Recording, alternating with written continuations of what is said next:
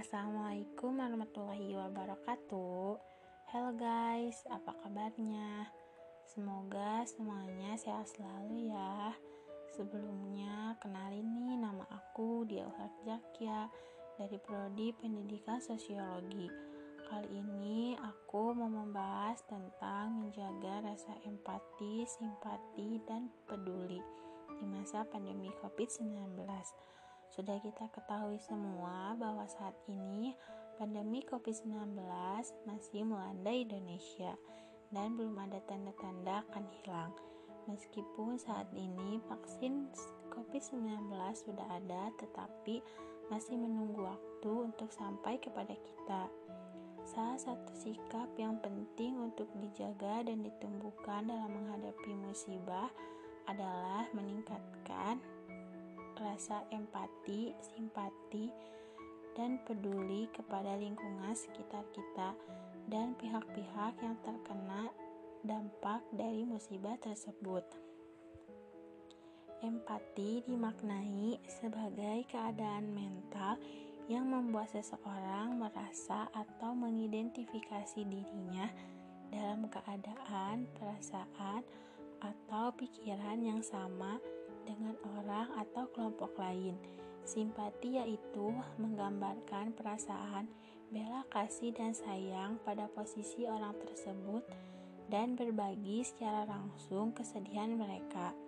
Sedangkan peduli adalah sebuah nilai dasar dan sikap memperhatikan dan bertindak proaktif terhadap kondisi atau keadaan di sekitar kita. Seseorang yang telah tertanam empati, simpati, dan peduli dalam dirinya akan menghindari sikap individualistis dan mencoba memahami sudut pandang orang lain dalam menghadapi musibah. Pertanyaannya, kepada siapa empati, simpati, dan peduli itu harus kita tunjukkan? banyak pihak yang mestinya kita coba pahami kondisi, perasaan, dan pikirannya dalam situasi seperti sekarang ini.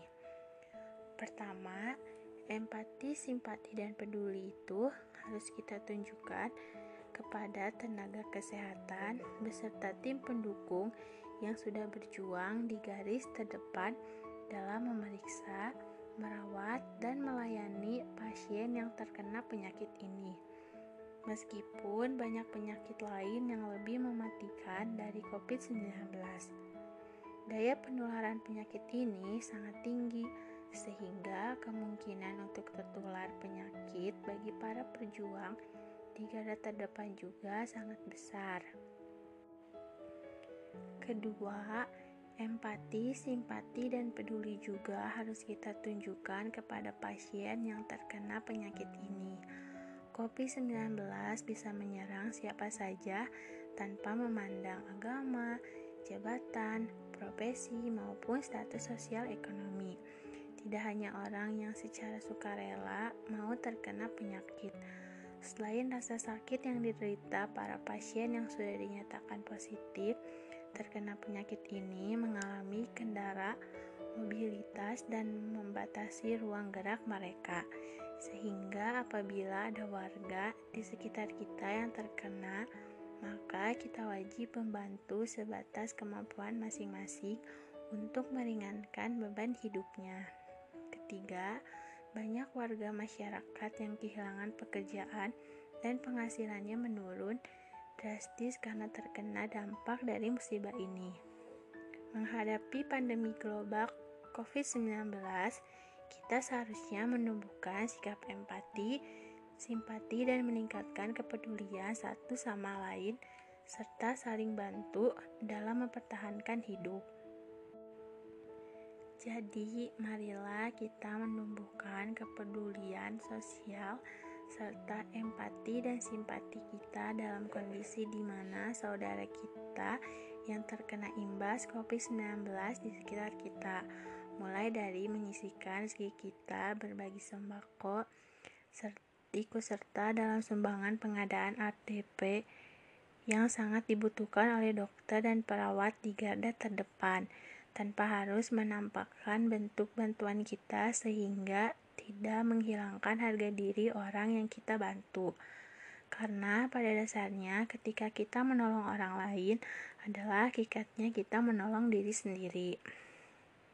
Nah, teman-teman semua, mungkin itu saja yang bisa saya sampaikan pada podcast kali ini. Mohon maaf apabila ada salah kata.